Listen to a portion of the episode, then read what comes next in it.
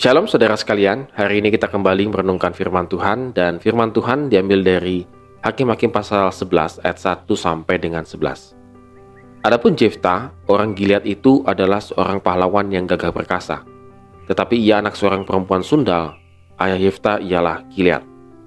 Juga istri Gilead melahirkan anak-anak lelaki baginya. Setelah besar anak-anak istrinya ini, maka mereka mengusir Jefta. Katanya kepadanya, Engkau tidak mendapat milik pusaka dalam keluarga kami, sebab engkau anak dari perempuan lain. Maka larilah Jefta dari saudara-saudaranya itu dan diam di tanah Top. Di sana berkumpullah kepadanya petualang-petualang yang pergi merampok bersama-sama dengan dia. Beberapa waktu kemudian, Bani Amon berperang melawan orang Israel. Dan ketika Bani Amon itu berperang melawan orang Israel, pergilah para tua-tua Gilead menjemput Jefta dari tanah Top Kata mereka kepada Jefta, Mari, jadilah panglima kami dan biarlah kita berperang melawan Bani Amon. Tetapi kata Jefta kepada para tua-tua Gilead itu, Bukankah kamu sendiri membenci aku dan mengusir aku dari keluargaku? Mengapa kamu datang sekarang kepadaku pada waktu kamu terdesak? Kemudian berkatalah para tua-tua Gilead kepada Jefta, Memang kami datang kembali sekarang kepadamu. Ikutilah kami, dan berperanglah melawan Bani Amon, maka engkau akan menjadi kepala atas kami, atas seluruh penduduk Gilead. Kata Jefta kepada para tua-tua Gilead, Jadi, jika kamu membawa aku kembali untuk berperang melawan Bani Amon, dan Tuhan menyerahkan kepada mereka kepadaku, maka akulah yang akan menjadi kepala atas kamu. Lalu kata para tua-tua Gilead kepada Jefta, Demi Tuhan yang mendengarkannya sebagai saksi antara kita kami akan berbuat seperti katamu itu. Maka Jefta ikut dengan para tua-tua Gilead. Lalu bangsa itu mengangkat dia menjadi kepala dan panglima mereka. Tetapi Jefta membawa seluruh perkaranya itu ke hadapan Tuhan di Mispa. Saudara sekalian, uh, ini adalah saat awal dari kisah Hakim Jefta. Satu hakim yang cukup unik, saudara sekalian, karena Jefta itu dilahirkan dari anak seorang pelacur. Dan e, menarik menariknya lagi adalah ketika istri sahnya daripada Gilead itu memiliki banyak anak laki-laki yang lain, maka Jefta itu diusir. Jadi apakah kemungkinan sebelumnya itu karena istri sahnya Gilead belum mendapatkan anak laki-laki, maka Gilead tanda petiklah begitu ya, memiliki selir begitu ya. Dan lahirlah Jefta. Dan ketika mereka sudah besar, mereka mengusir Jefta, terutama anak laki-laki dan juga mungkin istri sahnya daripada Gilead. Kenapa sih diusir? Nah, ini jadi pertanyaan menarik ya. Karena berebutan harta milik pusaka, artinya harta warisan. Gara-gara uang, maka Jefta itu dibuang. Saudara, saya rasa di zaman ini sudah nggak mengherankan kalau uang itu menjadikan saudara bersaudara saling membenci, saling membunuh bahkan. Dan Jefta mengalami hal demikian, dia dibuang oleh keluarganya karena supaya Jefta tidak mendapatkan hak milik pusaka.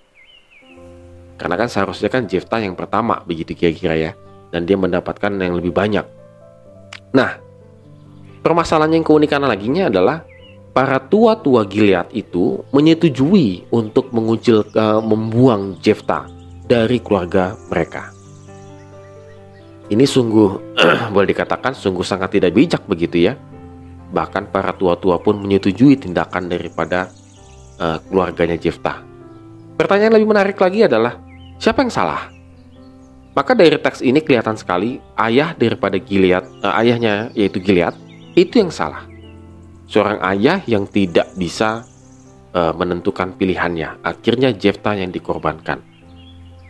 Saudara ketika itu mereka akhirnya berperang. Kalau ke uh, sebelumnya kita bisa mendapatkan bagaimana Israel itu konteksnya itu memang sedang akan berperang dengan Bani Amon. Tetapi anehnya lagi, sepertinya seluruh laki-laki di Israel pada waktu itu mandul. Tidak ada yang memiliki satu keberanian, kegagahan, kepahlawanan untuk maju berperang memimpin bangsa Israel melawan Bani Amon. Dan uniknya saudara sekalian, para tua-tua ini tahu bahwa Jefta itu memiliki kemampuan tersebut. Kenapa? Karena Jefta tanda petik saudara bergaul dengan para perampok Jadi bisa dibayangkan bagaimana mereka uh, hidup di padang gurun, lalu kemudian berkelompok, lalu melakukan kejahatan untuk bertahan hidup. Entah akan menjadi mungkin pembunuh bayaran dan lain sebagainya. Maka kehidupan Jefta demikian, saudara sekalian. Saudara kalau mungkin ingat film Conan the Barbarian tahun 2011 kalau tidak salah, itu menceritakan hal yang sama. Jadi Conan itu adalah anak kepala suku Barbarian, lalu kemudian ada satu musuhnya datang, ayah ayahnya dibunuh, lalu Conan itu dijadikan budak dan akhirnya Conan itu lari di padang gurun bertemu dengan uh, ya boleh dibilang ya ya tadi ya perampok-perampok dan akhirnya si Conan itu berlatih demikian keras akhirnya dia bisa melawan kembali musuh daripada ayahnya yang telah mati itu.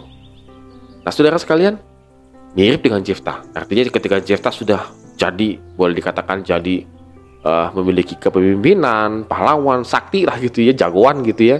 Maka para tua-tua itu meminta kepada Jefta untuk memimpin mereka. Nah, saudara sekalian di sini luar biasanya bahwa Jefta menerima hal tersebut padahal dia sudah sangat amat dikecewakan. Saudara saya rasa kalau kita dibuang sama keluarga kita karena cuma alasan sepele yaitu tentang harta karun, harta warisan begitu ya. Mungkin Jefta akan sakit hatinya luar biasa. Bahkan tanda petik Jefta mampu uh, membalas semuanya, keluarganya dia itu atas perbuatannya. Tetapi Jefta tidak melakukan hal ini. Ternyata kehidupan Jefta yang jahat itu, boleh dikatakan seperti itu, dia masih mengingat Tuhan. Maka jelas sekali dikatakan Jefta membawa seluruh perkaranya itu ke hadapan Tuhan. Artinya Jefta masih memiliki relasi bersama dengan Tuhan. Ketika dia menerima satu tanggung jawab yang sangat besar ini, maka boleh dikatakan Jefta boleh mengampuni keluarganya yang telah membuangnya.